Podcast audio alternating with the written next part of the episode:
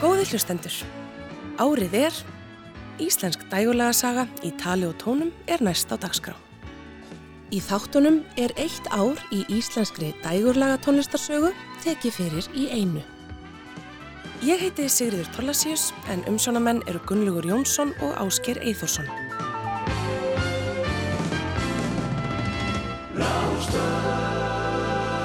Árið er 1991.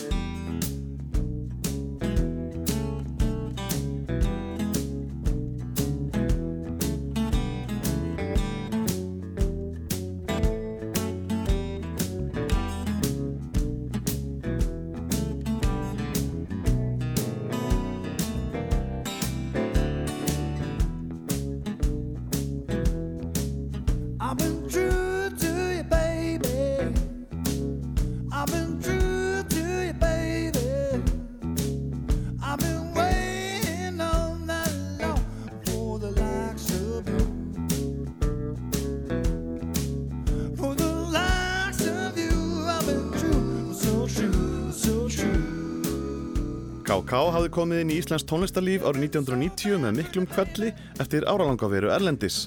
Og fljótlega kviknaði áhugað því að fá hann til að hljóðrita plötu. Pétur Kristjáns og Steinar stopnuðu fyrirtæki 91 sem hétt PS Music, Pétur og Steinar. Og Pétur hafði heyrt bandi spila. Maður hóaði fólk og spilaði á hinn og þessu stöðum á púlsinn og tveir vinir og allavega og hann hafði heyrt í okkur spila. Og hann segi vil endilega að þú fari í stúdi og takja upp þessi lög sem þetta spila hann er bara blúslög standarda og ég segi já já. En bakvið hugsa ég ég ætla að taka bara það sem er sínist og gerði það. Og fór inn og tók upp hérna Lucky One plötuna. Og það er eitt eða tvö gófulög þar, ég maður ekki eitt lag. Platan fekk nafnið Lucky One. KK fekk Másinn Eithor Gunnarsson til að hjálpa sér með upptökurnar, gamli vinnur hans Þorleifur Guðjónsson spilaði á bassan og Sigtryggur Baldursson og Mattias Hemstokk trommuðu. Aðri sem komu við sögu á One eru Guðmundur Pétursson gítarleikari og sænski banjuleikarin Magnús Edring sem fer á kostum í læginu Waiting for my woman.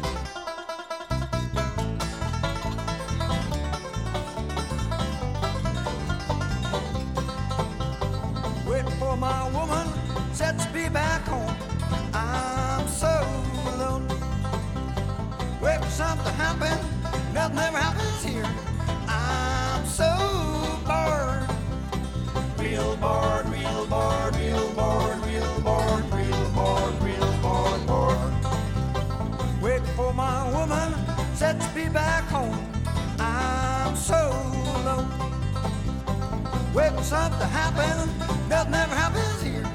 I'm so bored.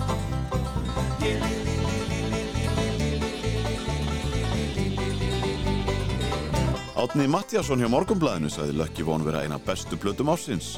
Tónlist KK var í sér á báti í íslenskum tónlistarheimi og ekki er ekki hann minni til þess að nokkur hafi fengist við rithmablús þessara gerðar hérlendis.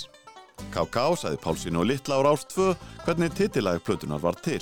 Þetta er 91, þá er ég komin heim, nýkomin heim til Íslands og búin að vera erlendis í 13 ár og finna þegar ég kem heim hvað ég er búin að sakna Íslands mikið, fjöllin og, og hafið. Ég bjó í Suðursvíð sem er alltaf flatt og var út að djamma um kvöldið og var hérna fyrir utan sirkus held ég og sumar nóttu og, og horfa nýra á hafið og, sé fjöllin og, björst sumarnóttin og hérna verð þarna gagdtekinn af þessu öllu saman. Og, og, og það er, og ég fór bara að syngja hérna götu og svona Standing by the window looking at the sea. Big old mountain talking to me. Yeah, I'm a lucky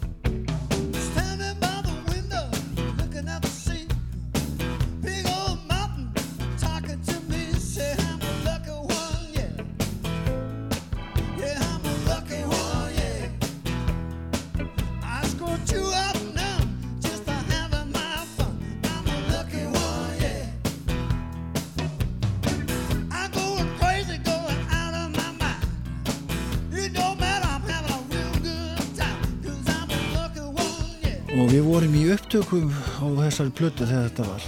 Og hérna lagið var, það var bara þetta ég hafði ekki eins og setið niður við gítar og prófaði þetta lag eins og þetta var bara svona viðlagi hausnum. og við erum að taka upp í stúdíu Sílandi með Eithóri og, og Sigtryggur Baldur setur við tónmöndan og Þorlegu Guðjónsson við bassan og vorum að taka upp eitthvað annað lag og, og það er setið og beðið. Og, við, og ég er inn í kontrolherbyggi og ég fer bara að spila á gítari.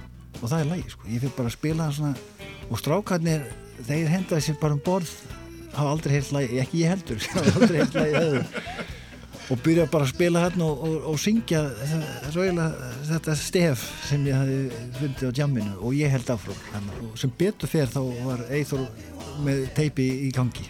Og við, og við vissum það þegar á leið og hérna, Eithor var í gegnum gluggan að veif okkur haldið áfram. Og ég held áfram og svo þegar ég búið með svona þrjú erindu hugsaði kannski best að hafa eitthvað svona bjökkabla í þessu og vissi ekki alveg hvað það átt að vera en rópati strákana eitthvað, ég man ekki hvað á plötun hérna Look out boys, here it comes eitthvað, og fer þetta upp í, úr einu upp í dú, dú, dú, dú, dú, upp í A watch out, boys, here we go to the. We're all jumping, getting all right. Come on. og sem betur fyrir þá fylgja þeir með og hérna okkur fannst þetta svolítið skemmtilegt og ég man alveg eftir í læginu ég vonaði svo innilega eftir við myndum meika þetta út á einhvers konar enda þannig við getum notað þetta. Og þetta er upptakan. Nei, er, þetta semja lægið í þessari upptöku? Já, bókstallega og textin og allt bara já, einhver, einhver leifar af því sko og svo gáttu við farið inn og eftir Ég- að- ég og Eithor og, og sungið yfir það en við notum fyrsta stefi er, er fullt daginn eru, hérna, eru bara frá byrjun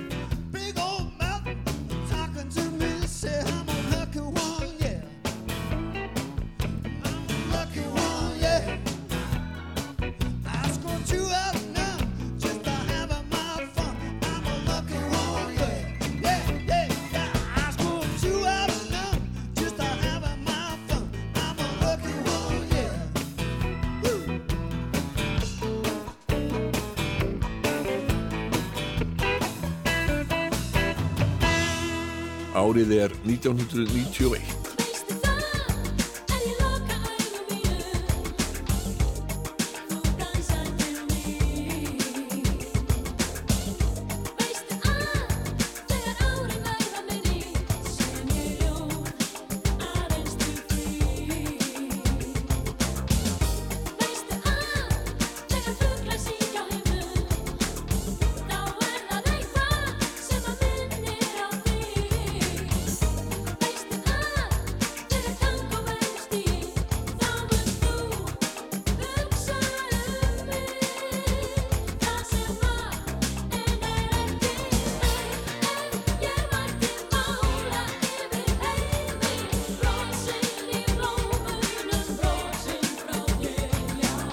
Hljómsveitin Stjórnin naut talsverða vinsalda eftir árangurinn í Eurovision vorið 1990. Sveitin hætti hjá skífunni og gerði samning við nýstopnað fyrirtæki Péturs Kristjánssonar sem fekk nefnið PS Music. Pétur benti þeim á sænska topplægið A Woman Has to Have a Lover sem fekk íslenskan texta og nafnið Þessi augu og hitti í mark hjá aðdöndum sveitarinnar.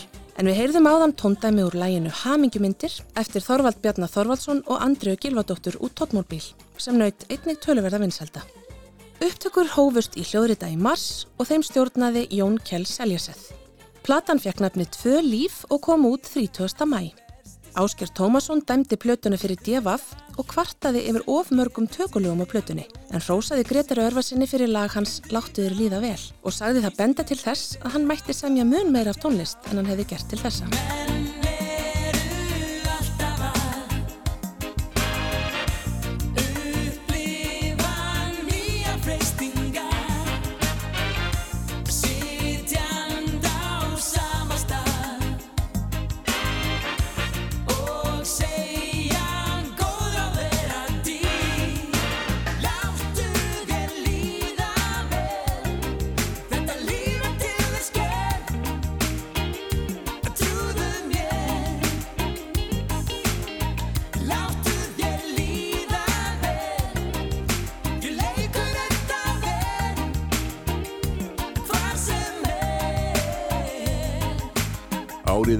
Árið er 1991.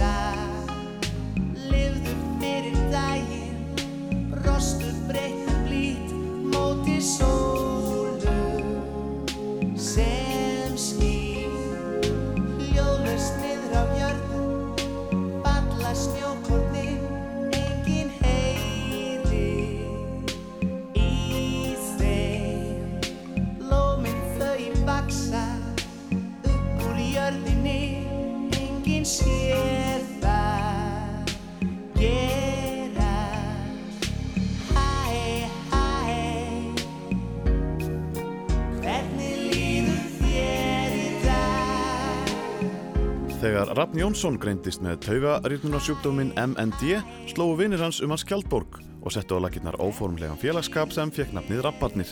Hann lét ekki degan síga, heldur ákvaða að halda áfram að fást við tónlist á eigin forsendum.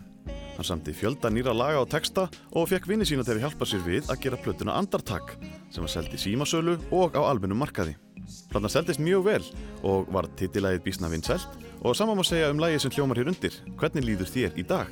Sem Stefán Hilmarsson söngvari sálarinn hans Jónsmíns söng en Rapp stopnaði þá hljómsveit á samt Jóni Ólafsinni félagi sínum úr Bíllæfinafélaginu árið 1988. Hér syngur Sævar Sverrisson titilagplötunar Andartak.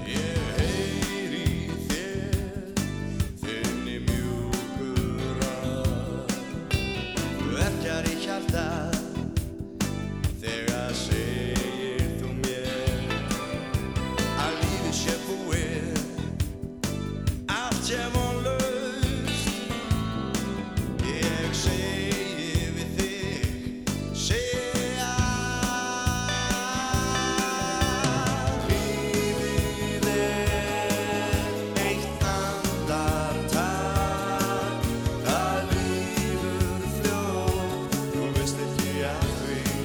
Árið er 1991.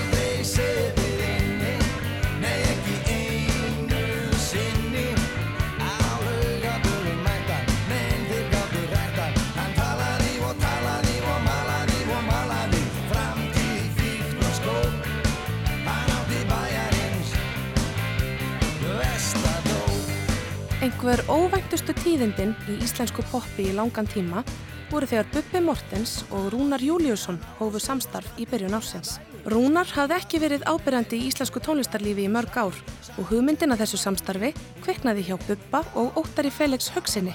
En hvernig kom það til? Óttar Felix segir frá. Það var með þeim hætti að eh, við Bubbi höfum rætt saman um að það var í orðið tímabært að fá rúnar aftur inn í sviðsljósið. Og við eh, rættum það að rúnar hefði náttúrulega uppalega verið einn eilsti rockari landsins. Og nú eh, væri að koma upp ný kynnslóð þá þarna um 1990 sem að myndi ekkit eftir honum. Og okkur þótti rétt að endur heimta Rúnar inn í rock heiminn. Ég nefni þetta við Rúnar og hann kveikti á þessu eins og skott og tók vel undir.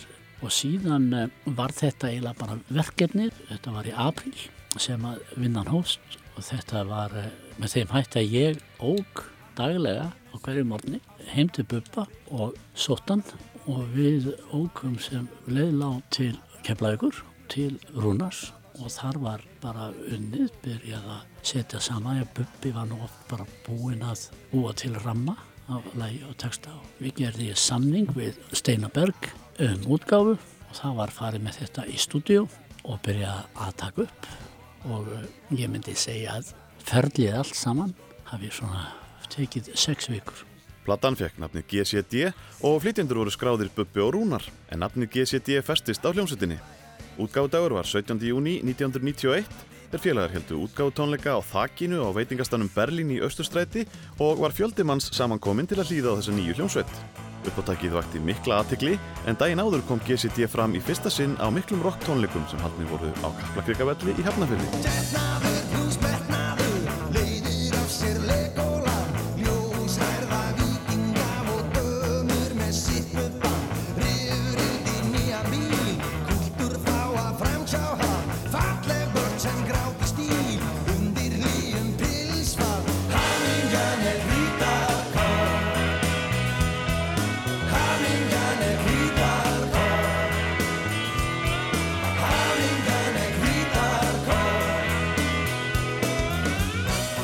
GCD og lagið Hamingjan er krítarkort. Gunnar Hjálmarsson sparaði ekki stóru orðin í dómi sínum um plötuna í þjóðvílanum 5. júli 1991. Það var ekki við öðru að búast en útkoman er þið góð þegar tveir hæst mjálmandi rockkettir landsins, Bubbi og Rúnar Júl, leittu saman gítara sína. En að útkoman erði svona rosalega góð byggust fæstir við. Hljómsveitin GCD hjælt fyrir hugaða loka tónleika sína á Hotel Borg í byrju november og stóð ekki til að koma saman aftur til tónleikahalds en það átt eftir að breytast. Í áramóta þættir ásar 2 var rockari ársins valinn og Lísa Pálsdóttir upplýsti um sigurvegaran. Yfirburðina hafði Rúnar Júliusson velkomin og til að hafa mikið með titilinn Rokkari ársins 1991 á Rás 2 Takk fyrir. og ég ætla að byrja á því að afhenda þér hérna svona forláta blómvönd í tilefni þessa Það er æðislegt. Já, hvernig líst þér á það eftir öll þessi ári í rokkinu að vera Rokkari ársins eftir þetta comeback með GCD Mér er bara ágjörlega það. Það er þægilegt Já, að fólk skulle hafa trú á svona mann á þessu reiki, sko. já, rokkið eldist í með okkur sem betur fyrr ég vil að sjálfsögðu þakka genginu í GCD sérstaklega fyrir ég hef náttúrulega aldrei náð þessum árangri rockari ársins nema fyrir strákana Bubba og Gulla og Begga og Berg Hróa, Denna og Svenna Já. og Óttar Felix og Steina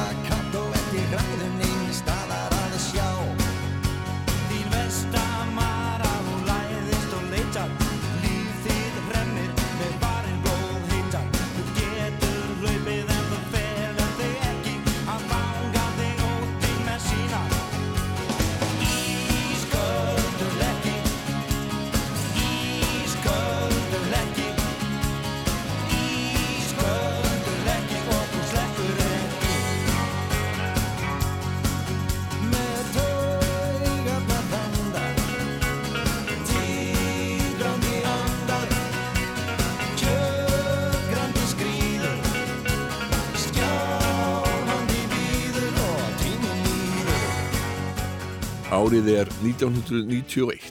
Sniklabandið gaf út tónleikaplötuna Getum við ekki látið eins og hálfvitar með ymsum þekktum slögurum sem voru teknir upp lifandi á Gauki á stöng í byrjun ársins.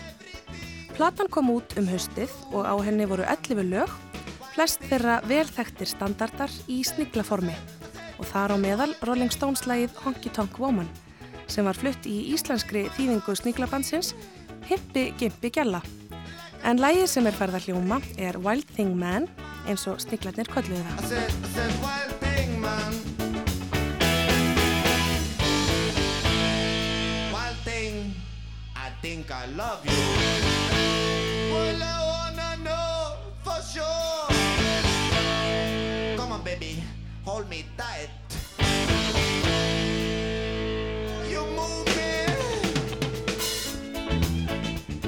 Árið er 1991.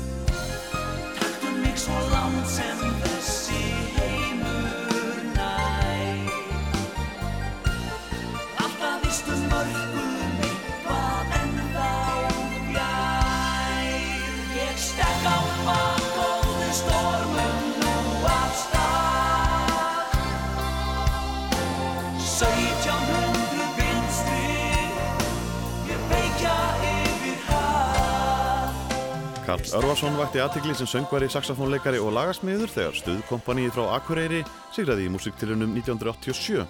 Hann hóf vinslu soloplötunar Eldfuglsins með Þorvaldi Bjarnar Þorvaldsinni, gítarleikara Totmobil tveimur árum síðar. Vinslan tók dágóðan tíma og þótti lagið 1700 vindstig sem kom út á saflutinni Bandalög 2 gefa góð fyrirheit. Platan kom út fyrir jólin 1991 eftir langan meðgöngutíma og á henni naut Kalli aðstöðar nokkura færustu tónlistamanna landsins auk þess sem Nick Serrate úr Whitesnake leikur á piano í titilæginu um eldfuglin.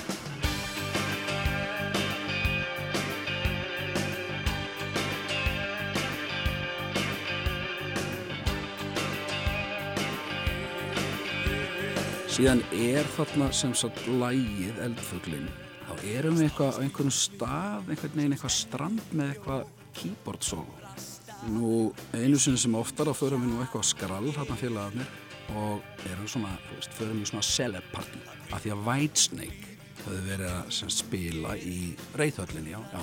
Og ég kynnist þessum hljómbórsleikara þarna og segja honum frá því að ég sé einmitt strand með keyboard solo og hérna hann er nú bara heldur en ekki betur til í það að koma og spíska bara no problem Kelly. I will play it for you. Just pick me up tomorrow. Já, það er bara, really ringdi út mann og annan og gæti redda stúdíu með þessum litla fyrirvar nema það allan upp úr hátteginu þá fer ég út á sögu pikka manninu og hann kemur nú svona hálf dröslulegur hrætt út sko, er lítið nætusöfn og mikið partistand á Íslandi og hérna segir við mig sem sagt þegar hann kemur út í bíli Are you ready for the studio? segir ég It'll be good if we could pick up some salad and dressing before we go to the studio ég bara, yeah, okay, some, okay so we go to the restaurant no man, no, no, no. Some salad and dressing. Þá er hann semst að þá er hann að meina það. Hann vildi nú aðeins svona ná sér svona á strik og svona nulla sig sko frá nætulífinu og þannig að salat var svona grænt sem er sett í pípu og, og, og hérna dressing var bjór. Og þá var þetta eitthvað frasi á vætsnik eða ég veit það ekki. Þannig að við hérna jú, jú, fórum bara aðeins og fórum á stjá og hringdum eitt símtal eða tvö og það tókst að redda þessu og svo spilaði þetta alveg svoleiðis fljúandi fína sólum bara smælandi allan hringin skilur í stúdíu og fannst lægið frábært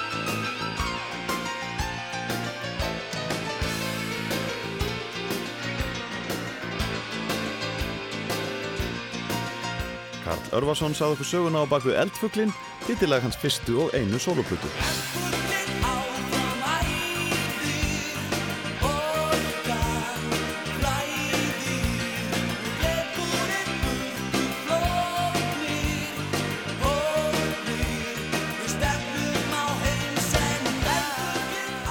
Árið er 1991.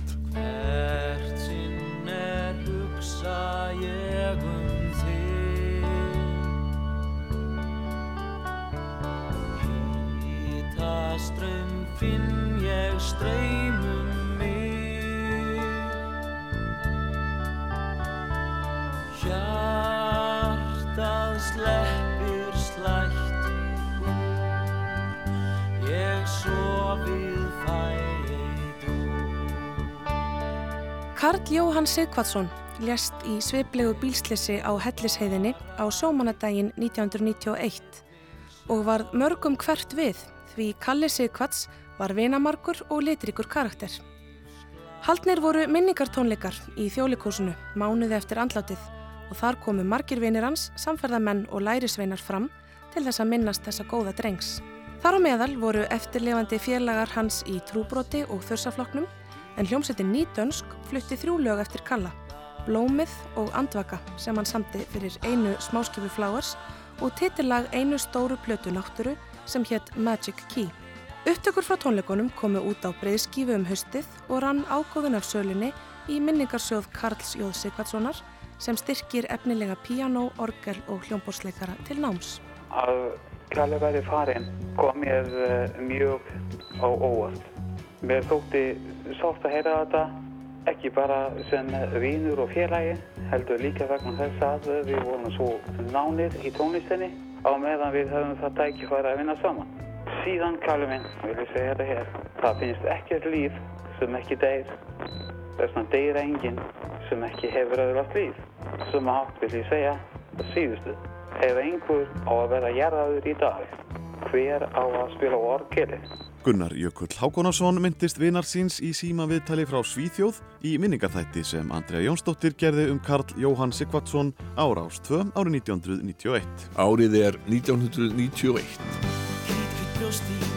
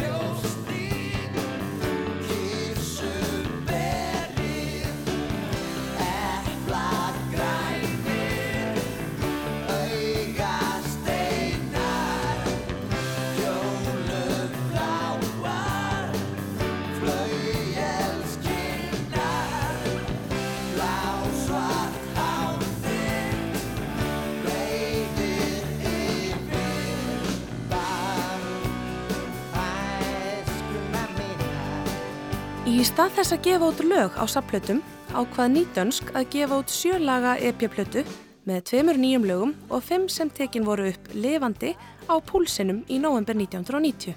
Hljómsveitin var nú fullskipuð því Jón Ólafsson og Stefán Hjörlefsson genguð formlega í bandið um áramótin. Hljómsveitarmeðlimir voru þó aldrei sáttir við útkomuna á þessum tónleika upptökum og ástæðan var meðal annars svo að flestir voru þeir kvefaðir á umrættum tónleikum. Titilægið Kirsuber var gríðarlega vel hefnað. Það var vinsalasta lag sömasins 1991 og lagði grunninn að vel hefniðu sumri sem endaði með frábæri framistöðu hljómsveitarinnar á þjóðatíð í Vestmannegjum. Þar sem hljómsveitin var aðarnúmerið á samt hljómsveit Bubba og Rúnars GCT.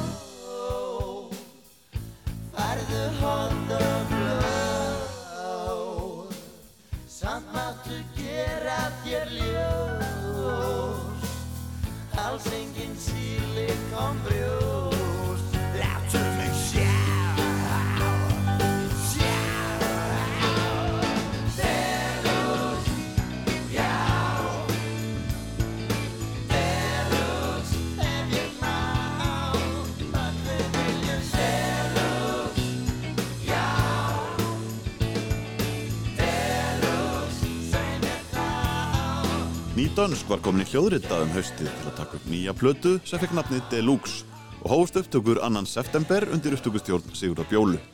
Liðsmenn sveitarinnar komu vel undirbúnir fyrir þessa upptökutörn eftir tveggja vikna strángar æfingabúðir.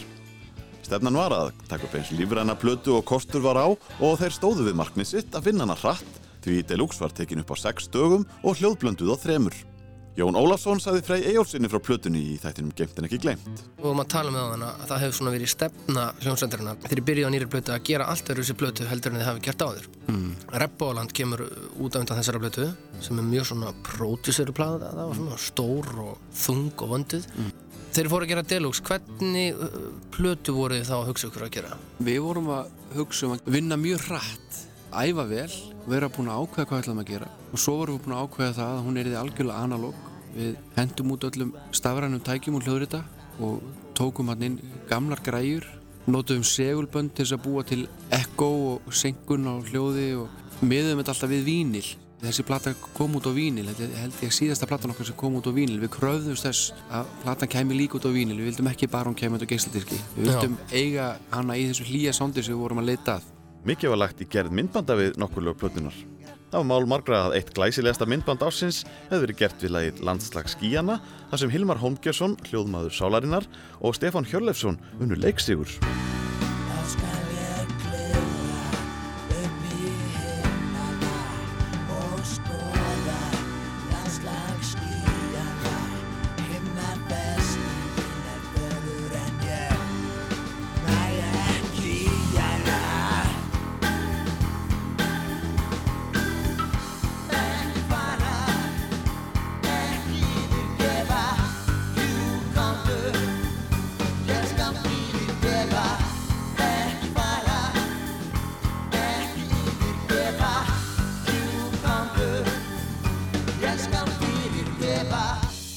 Gunnar Hjálmarsson var ánæður með þróun hljómsveitarinnar á árinu 1991 í Pop Annál þjóðviljans. Svo hljómsveit sem dafnaði á árinu var nýdönsk. Þeir tóku tónlistasumari með trompi með frábæru poplægi, kissuber og áttu svo stórleik á plötunni Deluxe fyrir jólin. Nýdönsk hefur náð hápunkti á ferlinu með þeirri plötu, hún er allt í senn gamaldags, nýmóðins, en þó fyrst og fremst skemmtileg. Al Elda varð gríðarlega vinsælt og var valið lag ásins 1991 í áramóndaþætti Rásar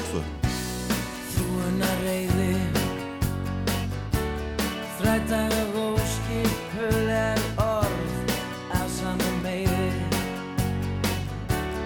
Helsi og skilningsleysi þess sem að þið skilur Hvað er rétt kalla hvað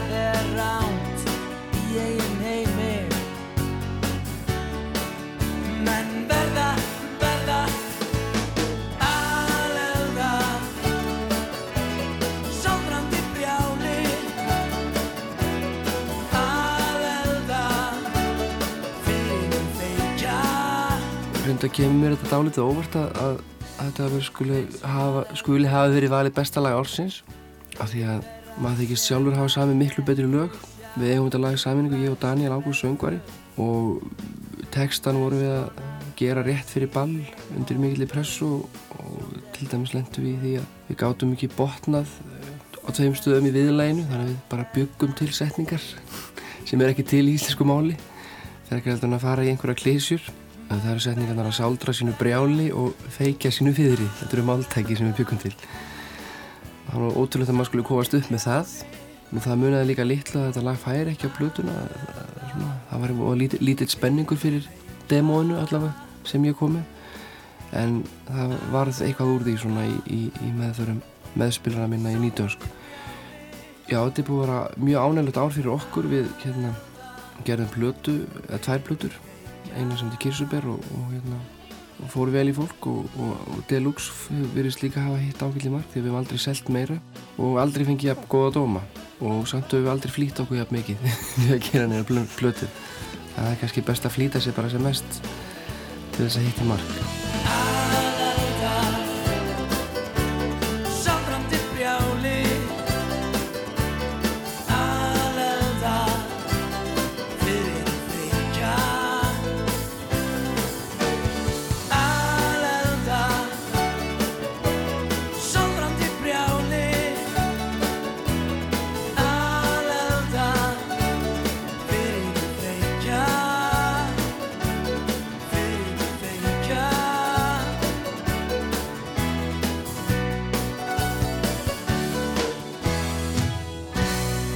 Árið er 1991.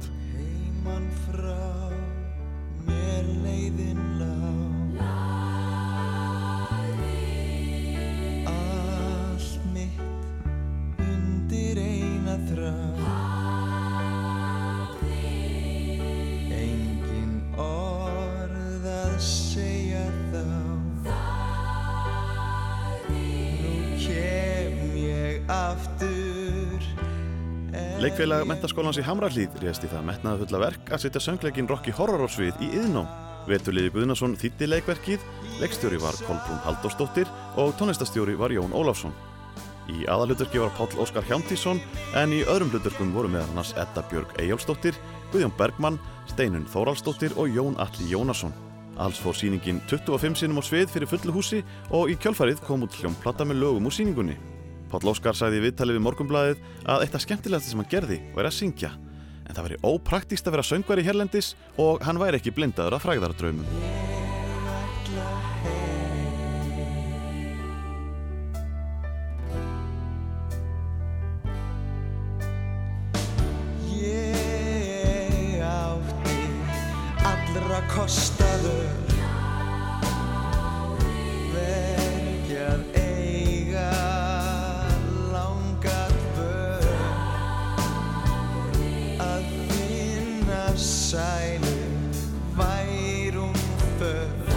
Páll Óskar söng Ég ætla heim úr Rocky Horror uppfærslu leikfélags MH. Í söngkeppni framhaldsskólana var Páll Óskar kynnir á sviðinu á Hótel Íslandi og hér heyrum við hann kynna fulltrúa Flensborgarskólans. Jæja, þá sýnist mér stelpurnar vera teknar við þessari karla samkundu hérna. Ég vil gerna bjóða Freyju nr. 2 hjartalega velkona sviðið. Hún ætlar að taka öllu takt fastara lag, heldur maður hérna aðan. Það heitir Glugginn, er eftir þú Rúnar Gunnarsson og Þorstein Eggjarsson. Margrét Eir Hjartadóttir úr Flensborg, verður hjartalega velkomin!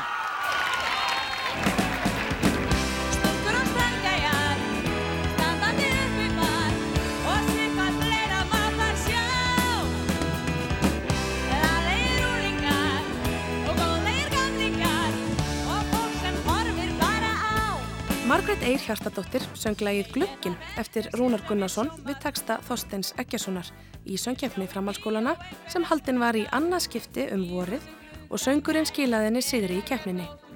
Hera Björk Þórhálsdóttir úr FB var í öðru sæti og Otto Tínes úr MS í því þriðja. Árið er 1991. Geirmundur Valdísson gerði samning við Pétur Kristjánsson hjá PS Music og platan Á fullri ferð sem kom út fyrir jólinn náði gull plötu sölu. Magnús Kjartansson stjórnaði upptökum en meðal þeirra sem sungu lögin á plötunni voru Helga Möller, Ari Jónsson, Guðrún Gunnarsdóttir, Berglind Björk Jónasdóttir og Eyjólfur Kristjánsson. Á plötunni eru 13 lög og einna mestra vinselda nuttu titilægið á samt lögunum Tívar tímans hjól og ég hef bara áhuga á þér sem Geirmundur söng í duett með Helgu Möller.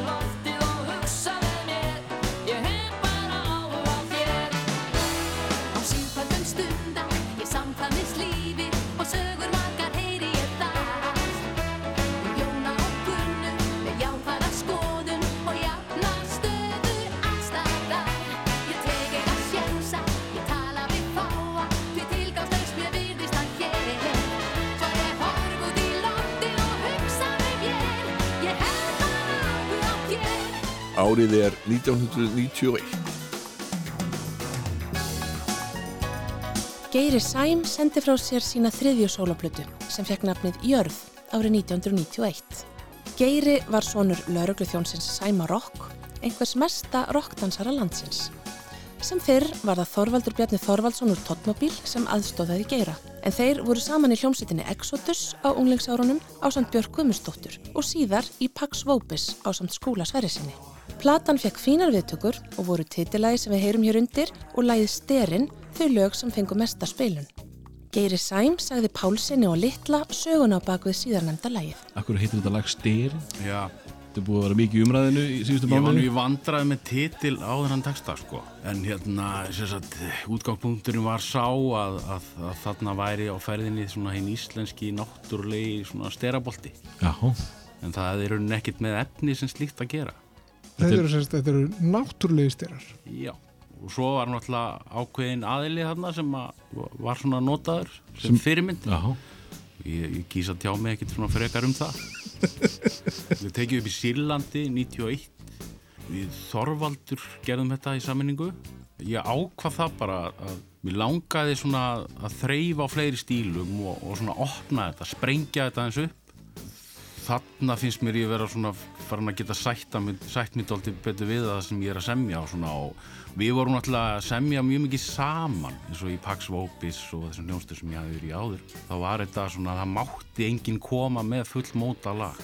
Þannig að þetta var allt svona unni út frá línum og riffum og slíku, þú veist, A-kaflið, þú, þú komst með A-kaflun, hinn kom með B-kaflun og allt það, þú veist, og, og síðan þegar, að- þegar, að- þegar að paksið hættir, þá, þá fara, förum við að svona einbytta okkur meira að því að semja lög og svona og, og geta svona presentera fyrir hverjum öðrum svona einhverjar full mótari hugmyndir og, og svona unnið út frá því í sammenningu Mhm. á þess að vera með kompleksa og, og afbríðisemi og niðurrif og, og, og allan þann pakka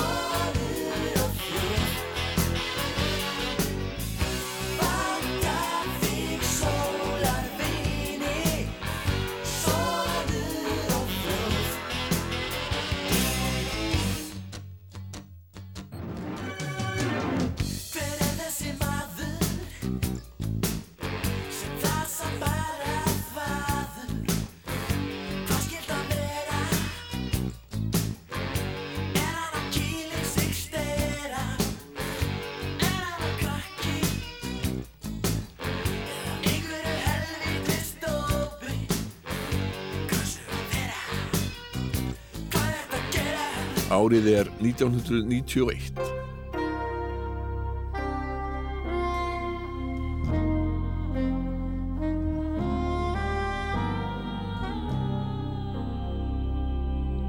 Þann 17. mæ árið 1991 lagði vikingaskipið Gaia af stað í ferð yfir Allandshafið og um borð var tónlistamæðurinn Valger Guðjónsson sem sildi með skipinu til Orkneya en skipið var eftirlíking af Gaukstaðaskipinu sem talið er að hafa verið smíðað á nýjundu öld. Vigdís Fimboðadóttir fórseti Íslands átti hugmyndina nafninu en Gaia er gríst orð sem þýðir móðir jörð og leiðangurinn var farinn til að minnast landafunda Leifs Eiríkssonar. Valgeir varð fyrir sterkum hughrifum á leiðinni og samti fjögur lög. Hann fekk svo Eithor Gunnarsson í lið með sér og samansönduður fleiri lög á plötu sem bar nafn vikingaskipsins og fengur til liðsins í tónlistamenn frá Noregi, Danmörku og Íslandi. Platan vakti aðtegli forraðamanna Vindam Hill útgáfunar sem gaf aðalega út heimstónlist og þetta var til þess að Valgeir var næstu misserinn með annan fótinn í bandaríkjunum þar sem hann samti meðal annars tónlist fyrir sjónvastætti. Árið er 1991.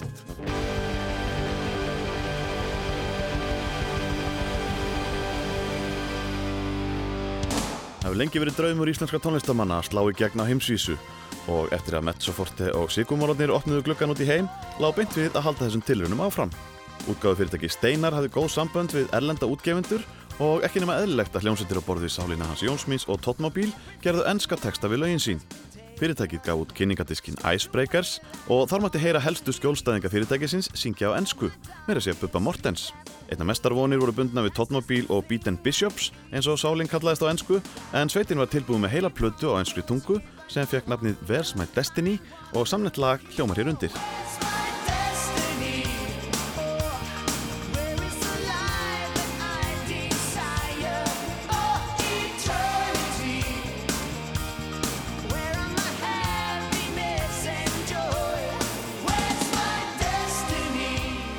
Steinar Berg, útgefandinn okkar sem að fór fyrir þessar útgáðu, Steinar hétt hún hann hafði uppi háar hugmyndur um að, um að hérna, gera strandhögg erlendis með sínum sveitum okkur og tótmóbíl og, og Messaforti, hann var náttúrulega löngu byrjaður að vinna með þeim. En hérna þarna hausti 90 þá snérum við eiginlega bara nánast allir í plötunni hverja draumurinn yfir á einsku það voru kannski 1 eða 2 nýr lög á þeirri plötu sem hefði ekki verið á hverja draumurinn.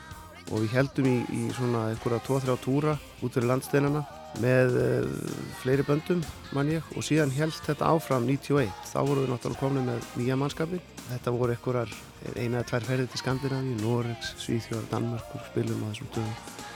En þetta var nú aldrei, hugurinn var nú aldrei sérstaklega við þetta, við vorum, hugurinn var eiginlega bara algjörlega heima þess að við vorum sko, áttum miklu vinsaldum eða miklu, svona, auknum vinsaldum að fagna og við vorum sko með hugan við þessa nýju plötu. og það er kannski öðrun þræði vegna þess að sko fyrri platan var kannski svona fortíðarplata, það er að segja nýju mennirnir þeir tengdust enn ekki þannig að það er kannski eina ástæði fyrir því að við vorum ekki mikið með hugan við það að fylgja þeirri plötu eftir og, og hérna höfum aðal áhuga því að rækta garðin okkar heima fyrir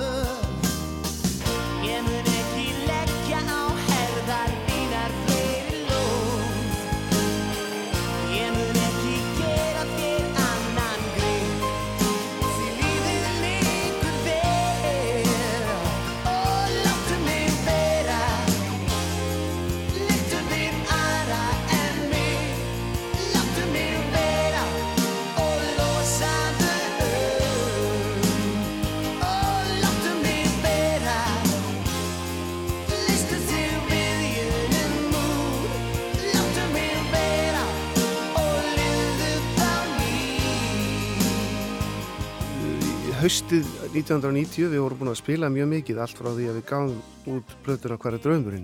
89 og eiginlega linnu laust þá getur fram á haust 90 þá var svona komið svolítið þreita í mannskapin Magnús Stefánsson meðal hans var orðin svolítið þreyttur og hérna ákvaða hætti í hljónstinni og við tókum okkur hlje um nokkura mánuða skeið.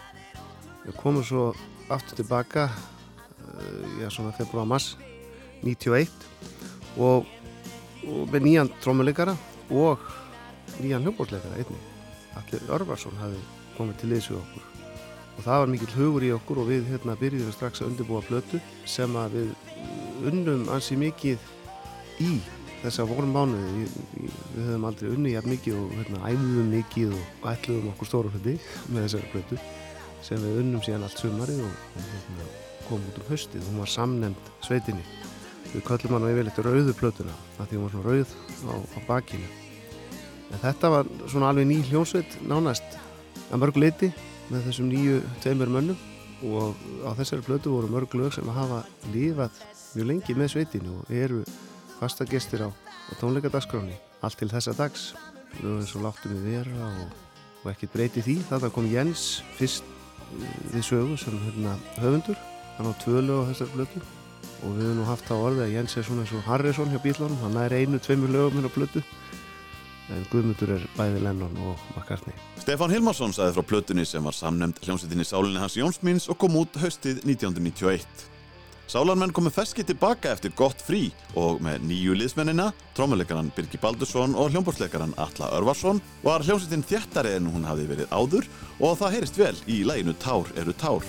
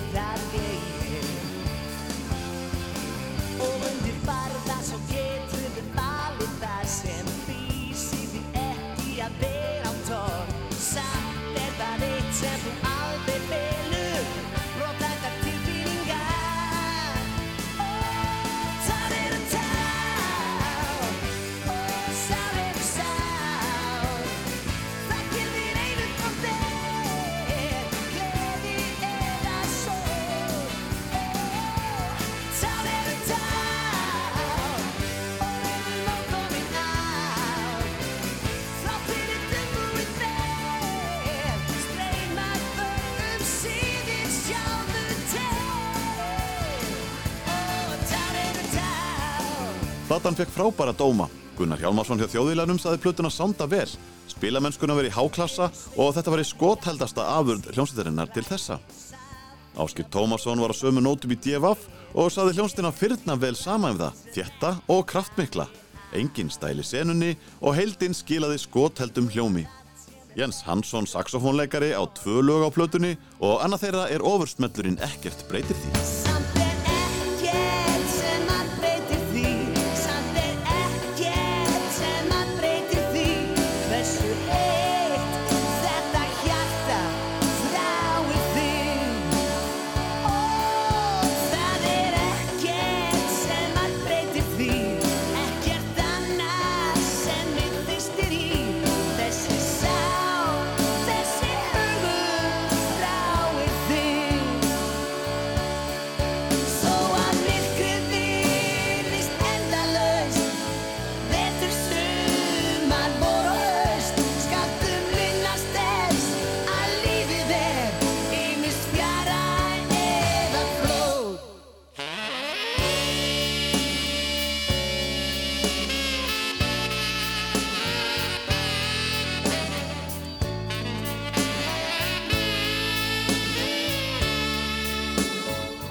Súpergrúpan Sléttúlfarnir sló í gegn með sinni fyrstu plötu Líf og fjör í Fagradal en þetta átti aldrei að vera annað en stúdjóhljómsveit.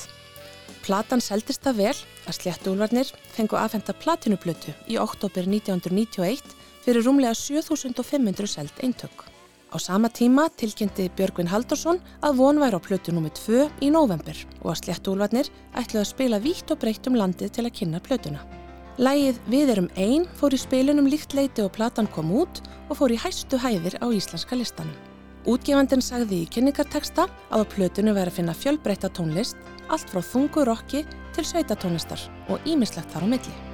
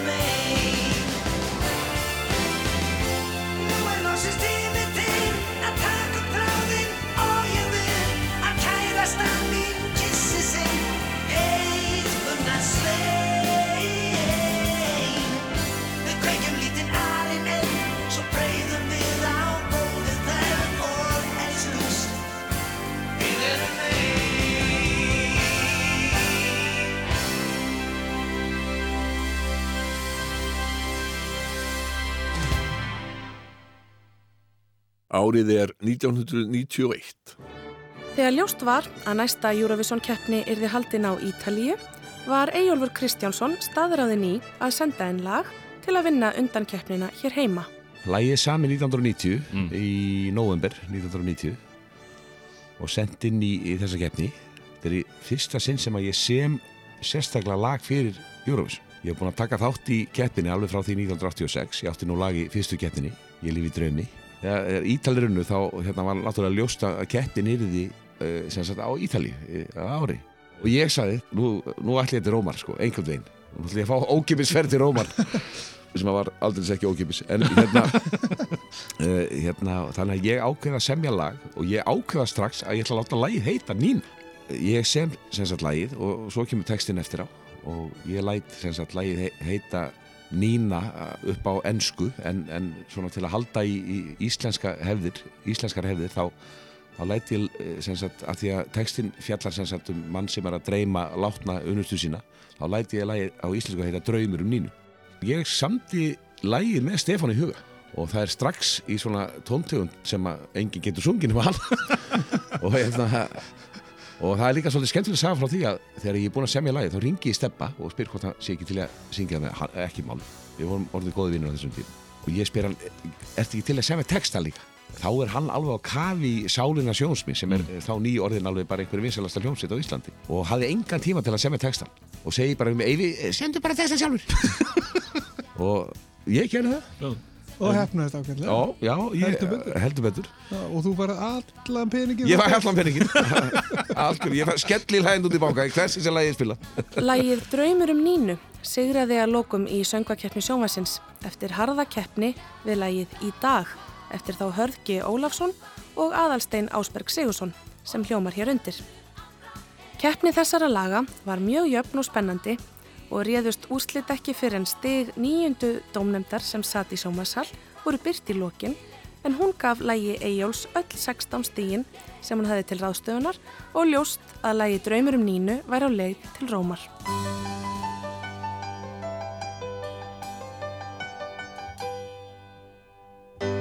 Núna ertu hjá mér,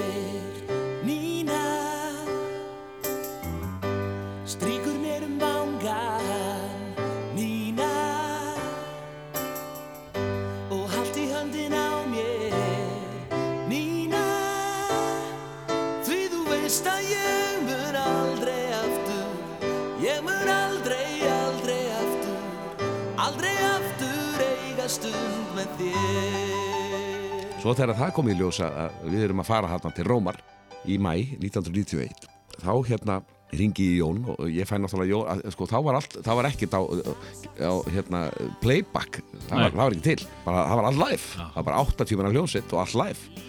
Þannig að ég þarf að fá mann til að stjórna hérna, bara með sprota og, og ég fæ Jón til að gera það Að við útsendum þetta nú saman, ég og Jón Ólafs. Og síðan setjumst við Jón niður og við segjum, heyrðu, nú skulum við bara velja með okkur eitthvað lið sem að, e, er bara eitthvað æðislega skemmtilegt. Veist. við sem sagt ákveðum það að taka með okkur Richard Scobie í bakrættir, af því bara Scobie var náttúrulega bara fyndnæsti og skemmtilegasti maður sem að maður hafi kynst mm. ég segi, Jón, við tökum Scobie með. Það er bara fyrsti maður í bakrættir og Jón segi, Scobie hefur aldrei ekki bakrættir á æfisir, hann er bara í riksjó og bara, hann er bara frontmaður. Ég segi, nei, nei, hann veist, Skópi, við Skópi hefum alltaf verið mjög góðir ég, heyrðu, hann kemur með. Ég ringi bara í hann og hann kemur með, það er hreinu.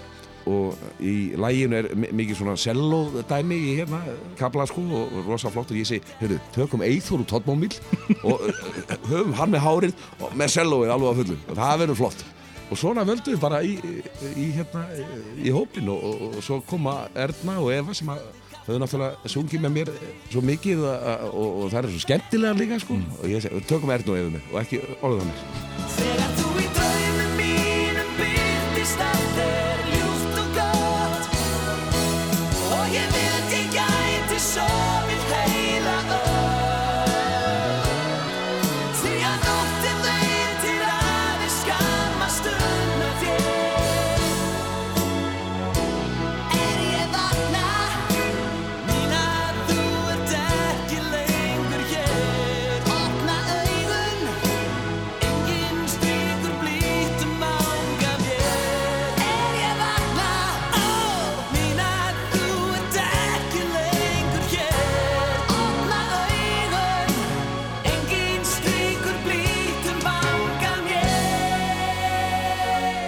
Klæðnaðurinn var mjög uh, ábyrrandi og, og uh, vantilega mjög vel hefnaður á þeim tíma.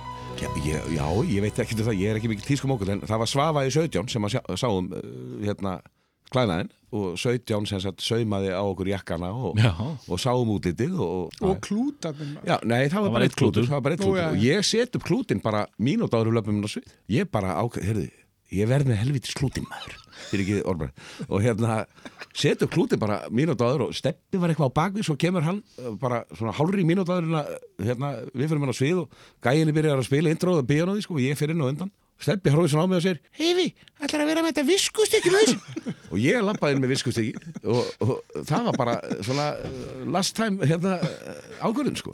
Og það sem að man eftir svona eiginlega Já, já, það, það, það var náttúrulega koma íðislega umræðum klútin daginn eftir Ég, ég sé bara alla fyrir mér með klút. Er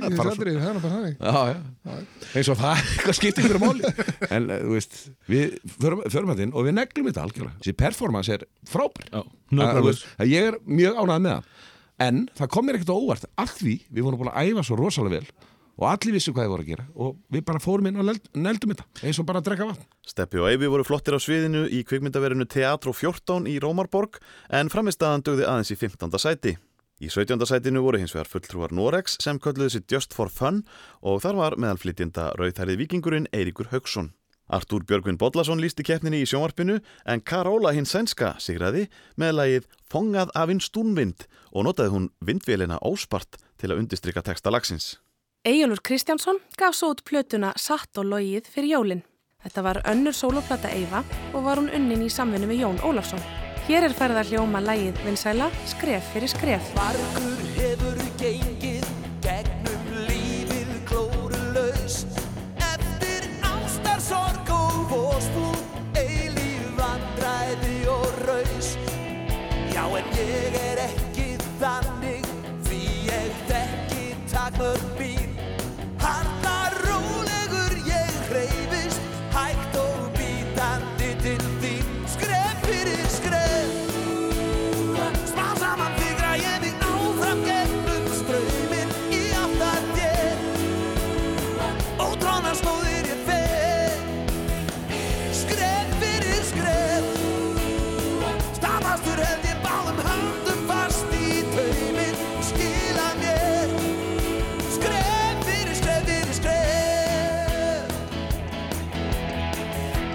Árið er 1991.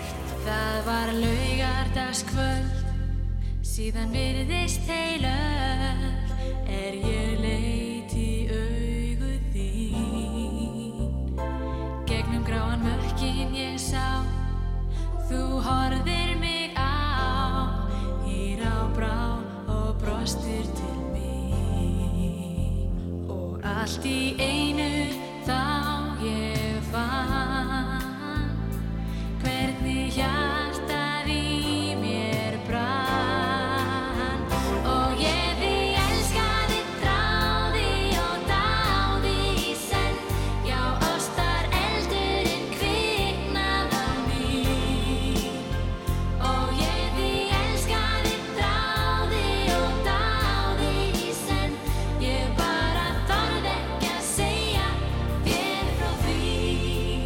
Landslægið var haldið í þriðja skipti á Hótel Íslandi í lok november. Alls bárust 311 lög í keppnina og stóð fimm manna domnemnd í ströngu við að velja úrslita lögin 10. Að þessu sinni síndi ríkisjómarpið frá keppninni og tóku hlustendur rásar tvö þátt í að velja sigurlægið. Nýliðin Anna Mjöll Ólafsdóttir kom sá og sigraði og hlauta launum 200.000 krónur. Anna Mjöll sagði við DFF að hún ætlaði að nota peningana til að greiða niður skólagjöld við tónlistarskóla í Los Angeles sem hún var nýbúin að fá inngöngu í. Uppaflega ætlaði Anna Mjöll að senda lægið inn í lagakeppni sem Billboard Magazine stendur fyrir árlega en hún skipt um skoðun og sendi það frekar í landslagskeppnina. Árið er 1991. Þungarokks hljómleikarnir Ísinn Brotin voru stærstu útitónleikar sem haldnir hefði verið á Íslandi að sögn aðstandenda tónleikana. Þeir voru haldnir í Kaplakrika og voru hluti af listaháttíð í Hafnafjörði. Aðal númer háttíðarinnar átt að vera bandaríska hljómsveitin Poison sem bóðaði forföll aðeins nokkrum dögum fyrir háttíðina vegna meðsla trómuleikara sveitarinnar. Það kom þó ekki að sög og tónleikaháttíðin fór vel fram í príðilegu veðri á Kaplakrikavellinum. Hljómsveitin Arts hóf leik en á eftir komu GCD, Thunder, Slaughter, Bullet Boys og lokanúmerið var hljómsveitin Choir Boys sem hafði óvænt verið aðalnúmerið í reyðhöllinni árið áður í fjárveru Whitesnake.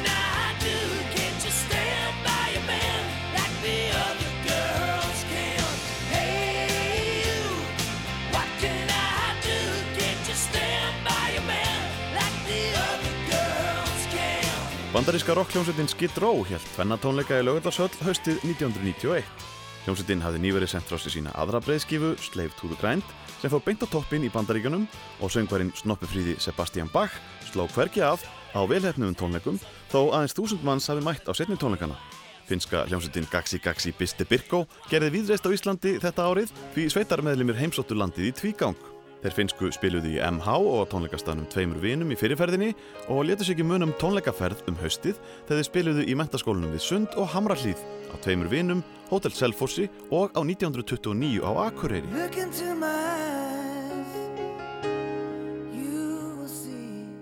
Kanadíski tónlistamæðurinn Brian Adams kom til landsins til tónleikahalds í desember á hátindi fræðarsinnar.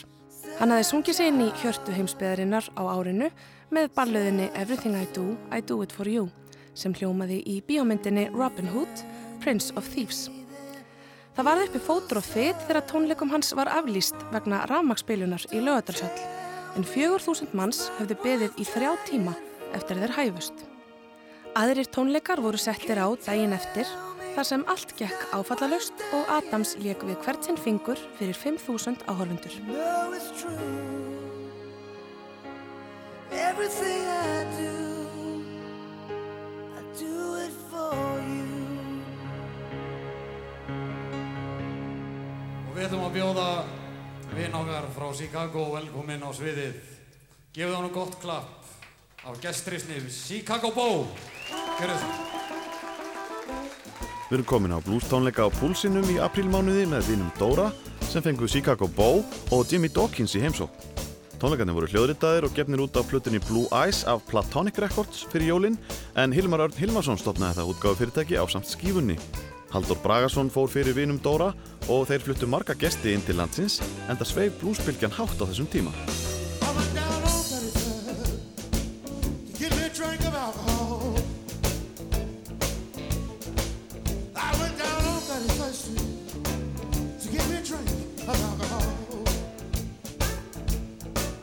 Well, my mama said Chicago Bowl.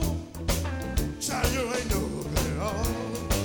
Árið er 1991. Þegar augun skynja þú Þegar horfi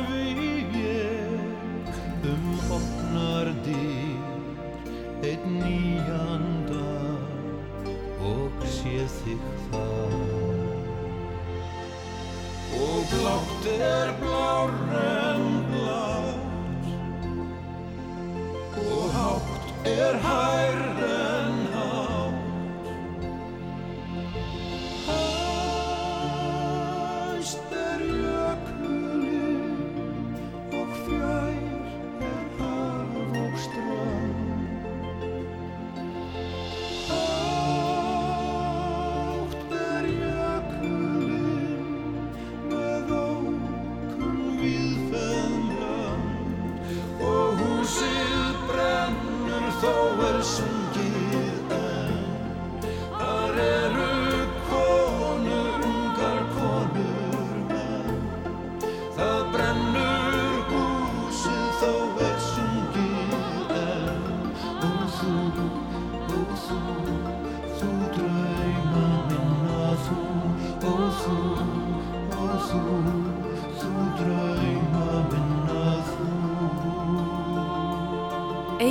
Ólafsson var orðin 38 ára gamall þegar Tifa Tifa, fyrsta sóloplatan hans, kom út.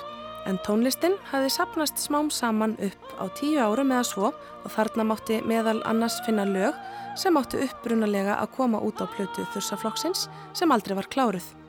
Önnur lög urðu til um leið og hann samti tónlist fyrir leikhús og litbriðin í tekstunum ímist björt eða dökk og dramatísk. Egil sagði í viðtalið að nafni Tifa Tifa var eins konar tilvísun til hjartans, gangverks, einstaklingsins og lífið væri bundi við að það tifaði. Lægið Það brennur þar sem Dittu syngur sólólínu vakti mikla aðtigli en það lag sem fekk mesta spilun heitir ekkert þras og þar syngur Guðrún Gunnarsdóttir með agli eins og í helmingi laga plötunar.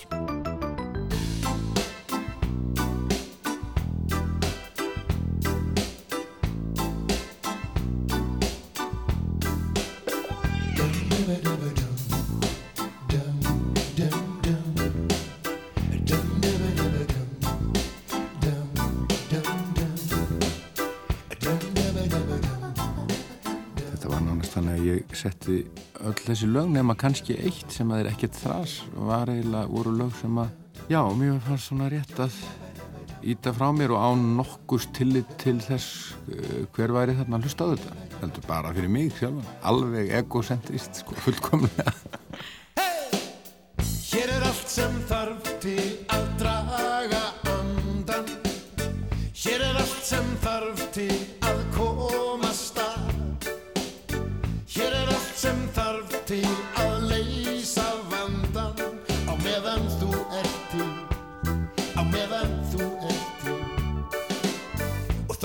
sé oft bæði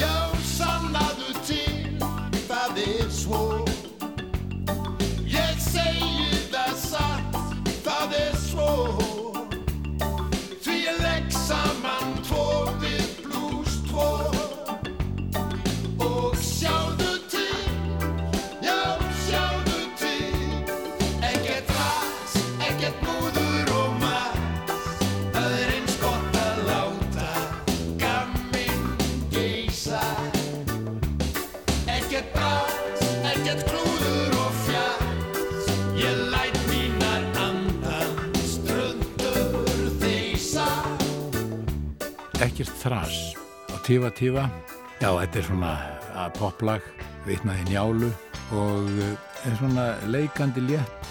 Upphafið er svona dálítið eh, í ætt við Jack Bruce minn gamla áhrifavald.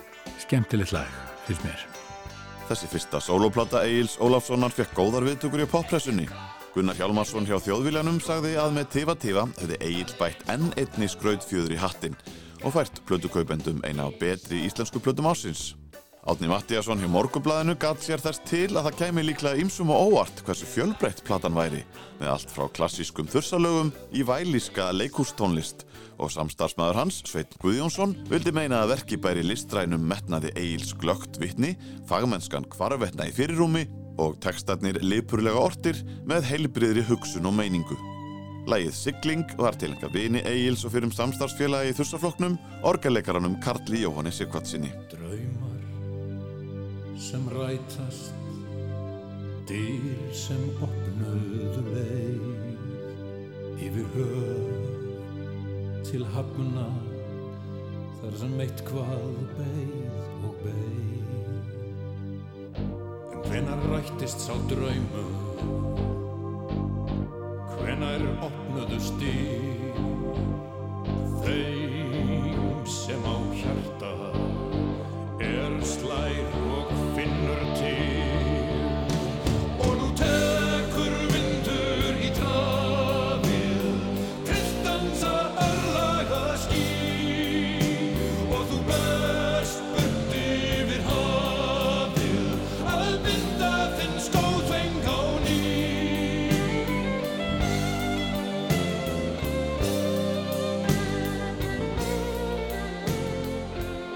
Árið er 1991.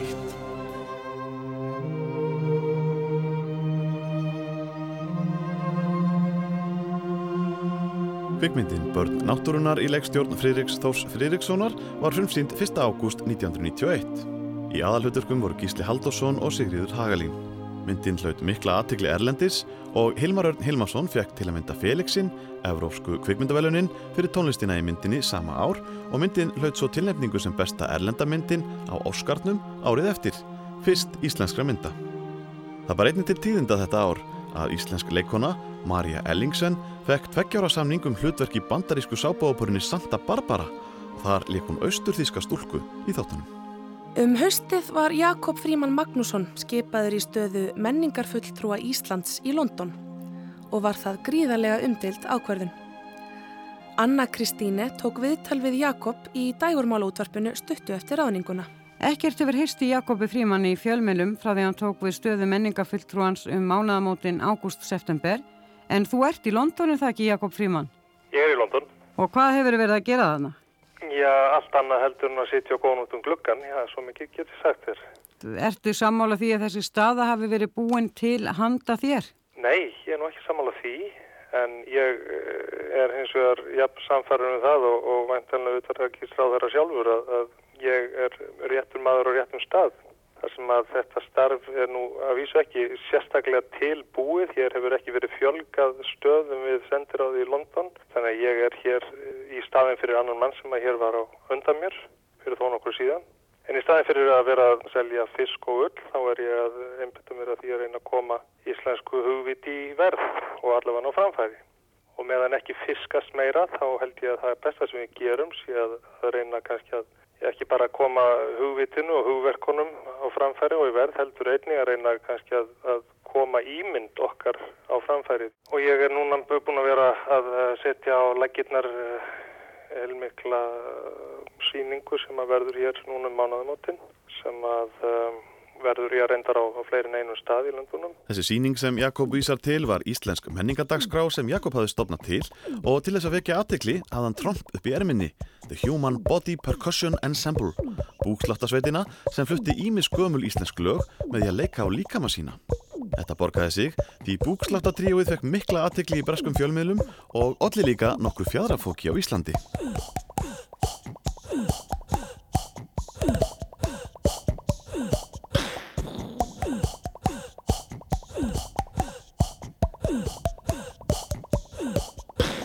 Jakob er að vinna fyrir sendiráðið og er að setja upp einhverja síningu þar. Það kostar óbáslega mikið að kynna svona síningu fyrir Ísland, menningu Íslands. Þannig að hann þurfti einhvern veginn að vekja aðtikla á þessu er með einhvern svona kynningamann innan skristu hjá sér sem að hann hafi nefnt. Hann var hérna með besta píanleikar í Íslandi hann var hérna með symfóníu hljómsveit og ég veit ekki hvað sem hann taldi upp. Og þessi kynningastjóri hafði engan áhuga fyrir því. Og þegar hann er bara þakkaði fyrir að lappa út á sinni og svo er ég þetta með líka Human Body Percussion Ensemble sem er búksláttu hljómsveit. Og hann bara spann þetta á punktinum og auðvitað hafði þessi ekki heyrt um slíkt sko vildi fá að vita allt um málið og þannig að Jakob þurfti að setja upp upp svona búksláttu senu sem að hægt væri að nota í blöðunum sko, til að kynna þessa hátíð því að þetta var eina sem að kynningastjórar blaðana höfðu áhuga fyrir. Síðan þurftu bara að finna menn til þess að spila þessa músík. Og það var Sverrir Guðjóns og Ditti Fila sem voru að koma að spila og syngja eitthvað allt annað sko. og bara við vorum í öllum sjónvars og útastöðum og blöðum og að syngja hérna og slá á búka krummis var í glettakjá og einhver þjóðlöf Ríðum, ríðum, rekum yfir sandin, rennur svo á bakvið varðar fett. þetta var ótrúlegt sko. og þetta hafði mjög vond áhrif á margan Íslandingin af því að bladamenn höfðu líka miskilið þetta haldið þetta væri einhver tradisjón sko, einhver hefð á Íslandi við værum bara berjandi búka hér og í einhver moldakóm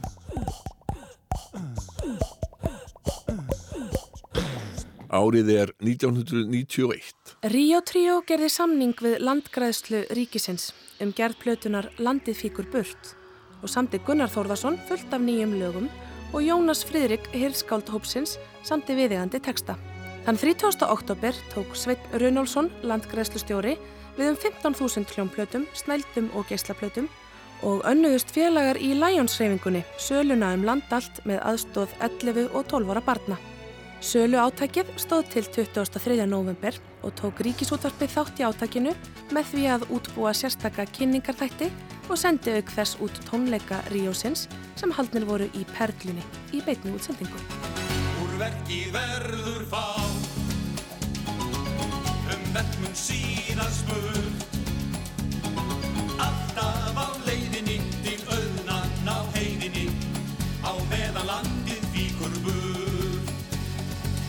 Við notum ofum mörg orð. Um orðmun varla spurt. Augljóst mun yfirleitt að orðin ei stóða neitt. Á meðan landið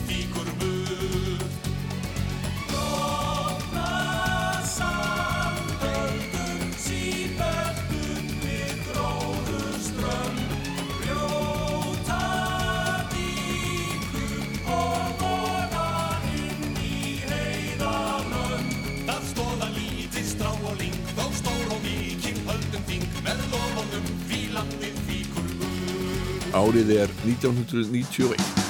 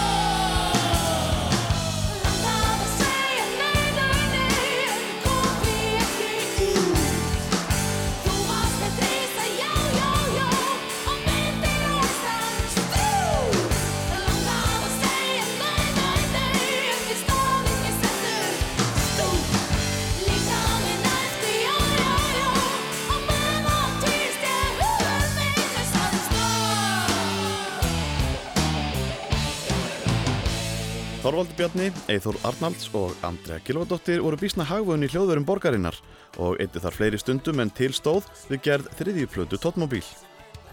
Vinsla plötunar fór fram sumari 1991 og svo langt fram á haust að starfsmæður útgáfunar varð að hitta þau nýr á kæjanum í Reykjavík og grípa segulbandsspóruna um leið og Akraborg leisti landfestar því landreisa tóttmóbíl var að hefjast. Þau höfðu beðið Sigurð Vigni Guðmundsson um að mála mynda sér í anda Rembrandt og Guðmundur Jó Guðmundsson hönnuður fekk svo frjálsar hendur með frágang geisladiska bæklings. Plötunni óperu var tekið opnum örmum og svo nokkur drungi væri ríkjandi og lögin Stopp og í Tígulega dal hittu í mark. Það var svona leiku með mínimalism á síbíljur en úr. Það eru nú alltaf sama tema út allæg sem var kannski ekki algengt í poptónustu þessum tíma nema kannski rappið einhvers líku. Þá var maður að vinna með það og búið til einhvern segð eða æfintir heim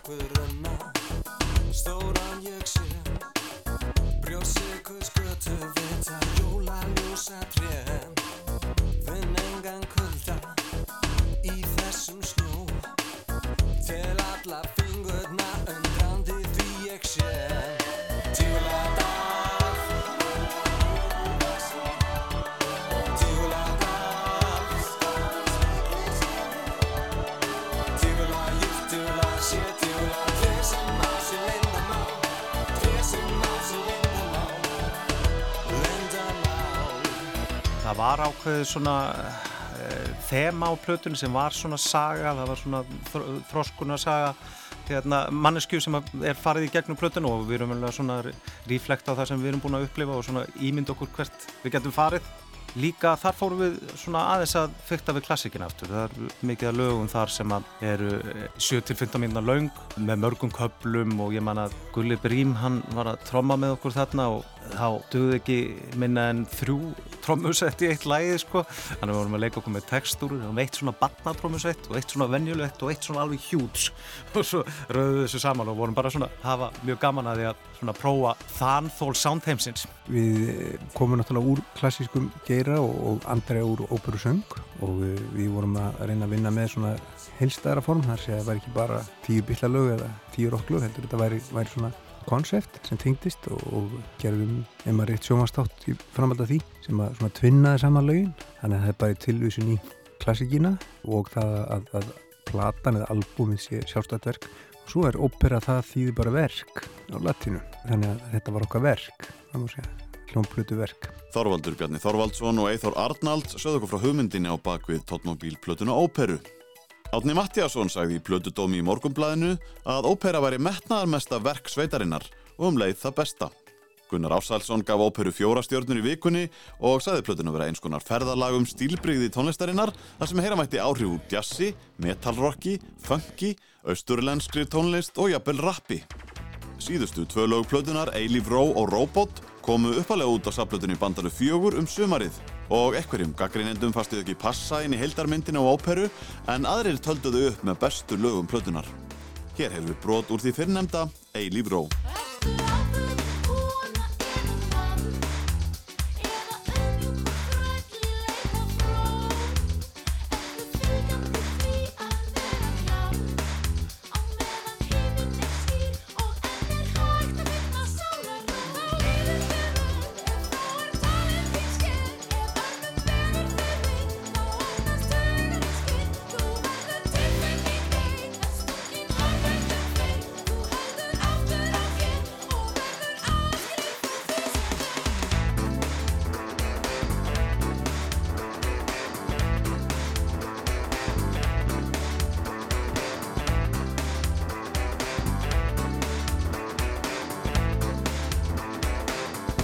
Árið er 1991.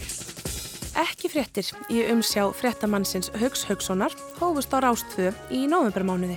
Það var Hjálmar Hjálmarsson leikari sem skapaði fréttamannin Haug sem sagði ekki fréttir eftir klukkan 5 alla virkadaga á Rástfö. Klukkan er ekki 5, fréttir. Þetta er Haugur Haugsson sem les ekki fréttir.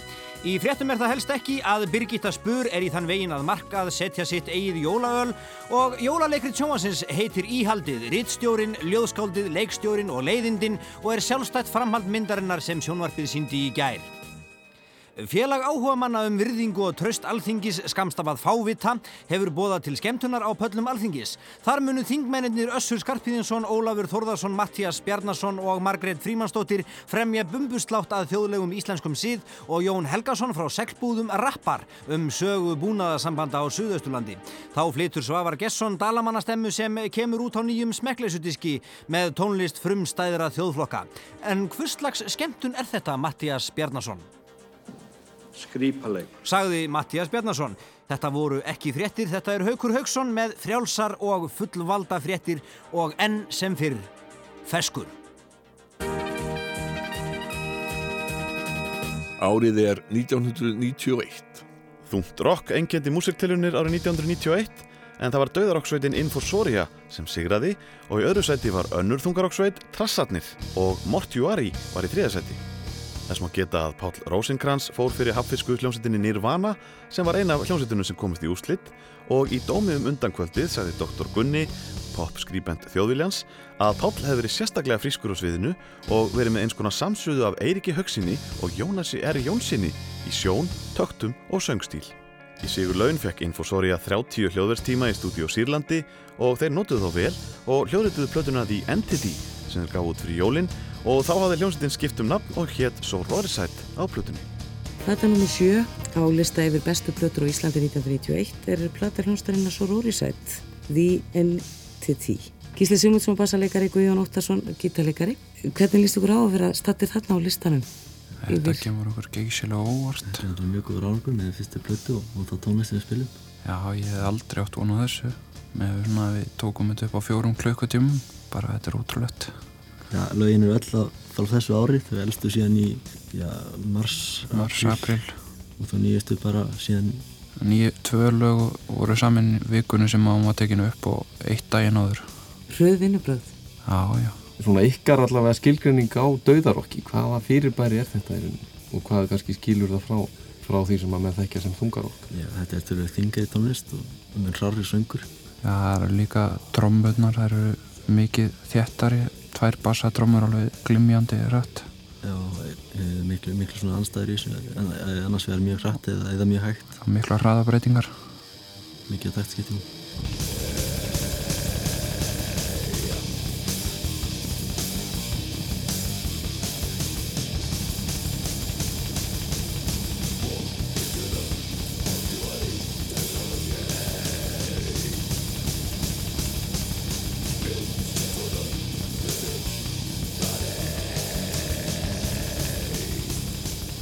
Hljómsveitin Sororisite og lagið Human Recycling og við heyrðum viðtal Lísu Pálsdóttur og Skúla Helgasonar við þá Gísla Sigmundsson og Guðjón Óttarsson meðlemi hljómsveitarinnar í tónlistarannál ársins 1991 á Rás 2.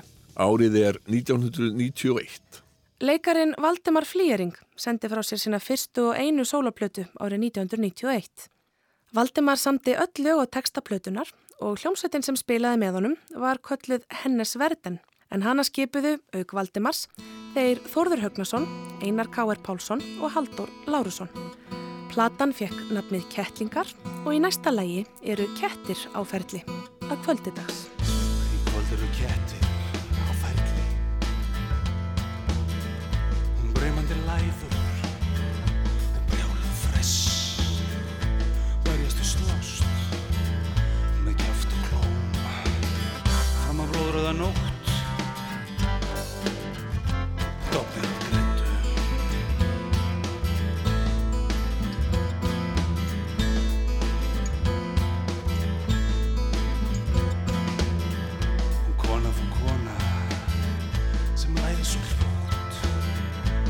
Tungli, tungli, taktu mig taktu mig fljótt ber mig að brunni þar sem ég gleymi öllu sem ég eitt sér Sem er 1968 dreymdum um að fá að hafa bítlahár og pappi fór mig með til rakarans hálsmannalega og létt bust að klippa mig. Sem er 1968 heyrði ég fyrst í Jimi Hendrix. Sem er 1968 heyrði ég fyrst í Doors. Sem er 1968 var Amerikanin í Vietnam að tappa stríðinu. Sem er 1968 púsaði ég skó fyrir eldrubræði mín áður ég fór í Glömbæ. Sem er 1968 brust inn í kompi í blokkinni þar sem ég bjó og við félagarnir og stálum klámblöðum sem heitur Color Sex og Weekend Sex og við fórum með þau í jarðhísi sem að núna er Hakkaup og lásum klámblöð og ryktum njóla sem er 1968 var gott sumar. Gubbi Mortens sendi frá sér tónleikaplötuna Ég er fyrir jólin. Platan var tekin upp á tónleikastanum Púlsinum ári fyrr í tengslum við sjónvarstátt sem síndur var á stöðu 2. Á fyrirhlutaplötunar er Bubbi einn með gítarin en hann fær aðstóð frá KK, Þorleifi Guðjónssoni og Reyni Jónasinni á harmoniku á setni hlutanum. Í blokkinni Gnóðarvók Sumar í 68 Satt ég upp í rúminu Nýbúinn að hátta Lögunga fólksins hljómuðu Svo hátt. Út um gluggan Heimurinn var blokkin mín. Ég legg mér þar við skuggan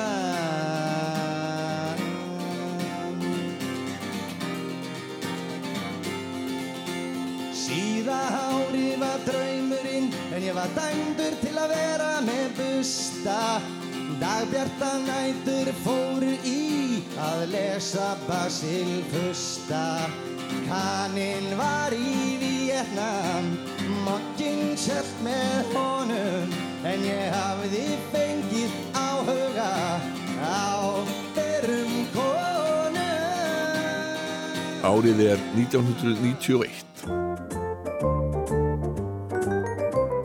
Manstu kvöldin okkar út í Hamborg? Og ævintýrin mörgu út í Hamborg. Þar gerðist ímislegt sem engin veitum Og aldrei skulum neinum segja frá. Jón Sigursson harmonikuleikari var afkastamikill textahöfundur og lagasmiður. Þar sem nokkrir tónlistarmenn hétu þessu sama nafni, gripu menn til þess ráðs að kalla einn Jón Bassa, annan Jón Trompet og þann þriðja Jón í bankanum, vegna þess að hann starfaði lengst af í búnaðarbankanum. Það var Jón í bankanum sem samti lægið og textanum einsa kalda úr eigunum og einni hið þekta lag út í Hamborg sem nafni hans bassaleikarin söngun og plötu með Ragnari Bjarnasinni. Jón Sigursson í bankanum lest 29. desember 1991 og skildi eftir sig marga merka söngteksta sem nánast hvert mannsbart þekkir. Guðmundur Ingólfsson, jazzpianisti, var tónlistaseni á unga aldri og var sendur til Danmerkur þar sem hann ætlaði að fullnuma sig í klassískum píanóleik. Hann ánýtjaðist jazzinum og spilaði sveiflutónlist fyrir Norðurlandabúa um ára bil. Árin hann snýri aftur heim til Íslands og var mjög aktífur í kringum ört vaksandi starfsemi jazzvakningar. Guðmundur spilaði mikið með nafna sínum Stengrimsinni trommara og bassalekarunum Þorði Högnasinni en ekki síður með bassalekarunum Pálma Gunnarsinni. Guðmundur fekk krabbamein sem varðanum að aldur tila en árið áður hafði hann gert plötuna Gling Glow með Björk og tríói sínu og einni plötuna þjóðlegan fróðleg sem Ólafur Þorðarsson á Rás 2 kvartan til að gera. Það er lag sem hann samti til barnana sinna og heitir Roskingo og hljómar hér undir.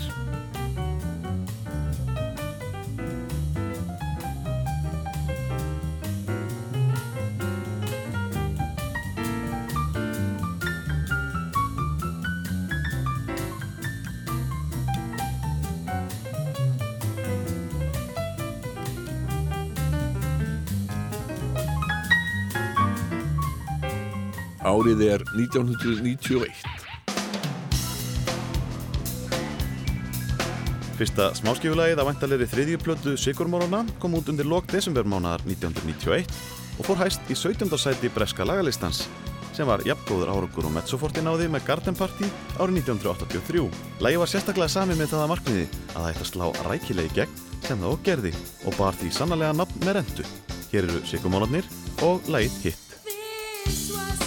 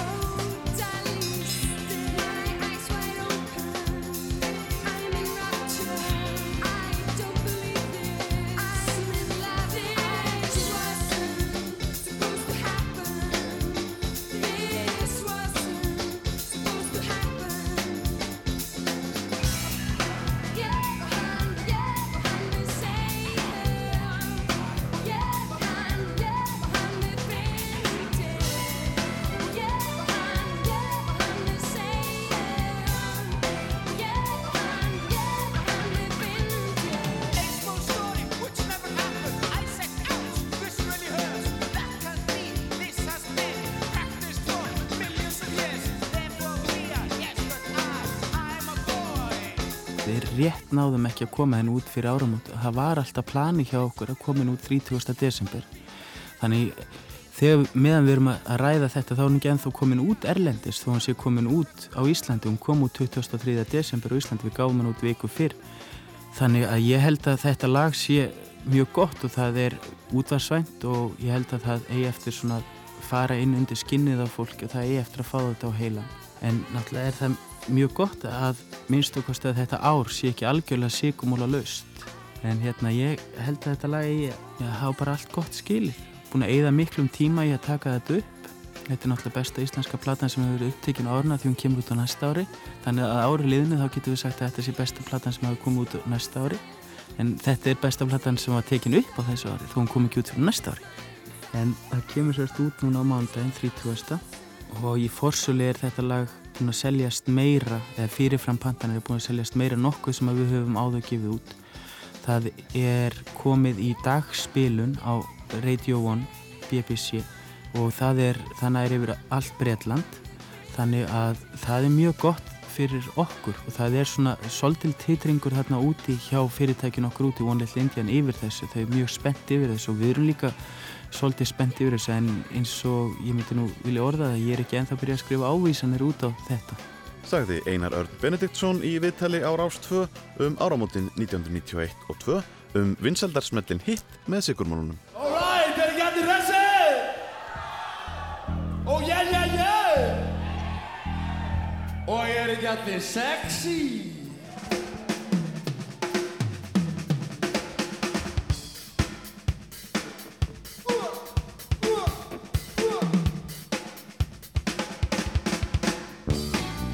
Síðan skein Sól hafði byggt upp sterkan aðdándakjarna og gerði út á sumarmarkaðin eins og svo margir aðrir. Helgi Björns og félagar fór í stúdíu Sýrland til að vinna að næstu plötu sem var að hluta hljóðverskífa en til helminga voru lög sem tekið voru upp á tónleikum og eitt nýju lagana var titilagplötunar Klikka.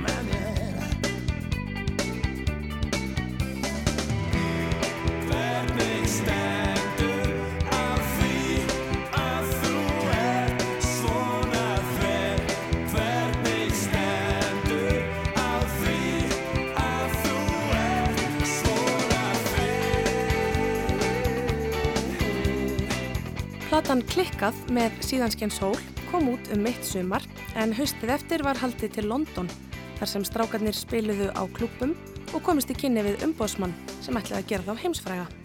Tekin var upp ný plata sem mikill tími fór í og Helgi söng í fyrsta sinn á ensku.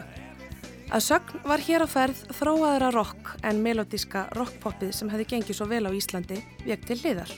Þessi útrásadraumur sólarinnar endaði snögglega þegar útgáðu fyrirtækið Diva sem átt að gefa plötun út dó drottni sínum og enska platan sem stóð til að héti Viva hefur aldrei komið út en þeir gáfu út eitt lagana árið 1995 á sapskífunni Journey to the Top of the World sem var gefin út í tilefni af Uxaháttíðinni. Hér kveðum við nýjan tón hjá bandinu í læginu Godborger 2.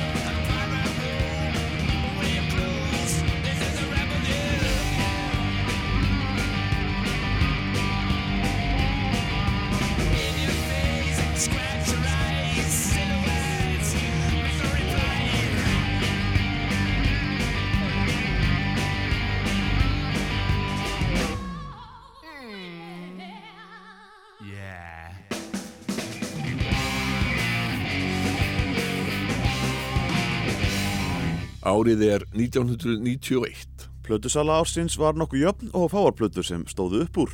Plata Rio Trios Landið Fíkur Burt seldist þó í 14.000 eintökum en Rio hafnaði gull plötu viðurkenningu þar sem platan var að mestu seld í beinni sölu af liðsmönnum Lionsfélaga til styrtar landgræðslu í landinu.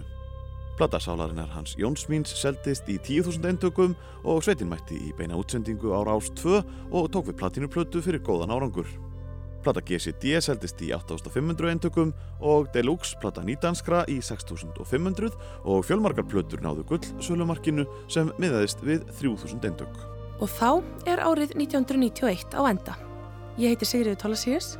Umsónumenn þáttarins eru Ásker Eithórsson og Gunnlaugur Jónsson og Jónatan Garðarsson aðstóðaði við handritskerð. Í næsta þætti skoðum við Íslenska tónlistarárið 1992 en við endum á hljómsveitinni Mannakornum sem sendi frá sér lægið Littla sýstir á saplutunni Bandalög fjögur sömari 1991 og það er Ellen Kristjánsdóttir sem syngur. Takk fyrir að hlusta.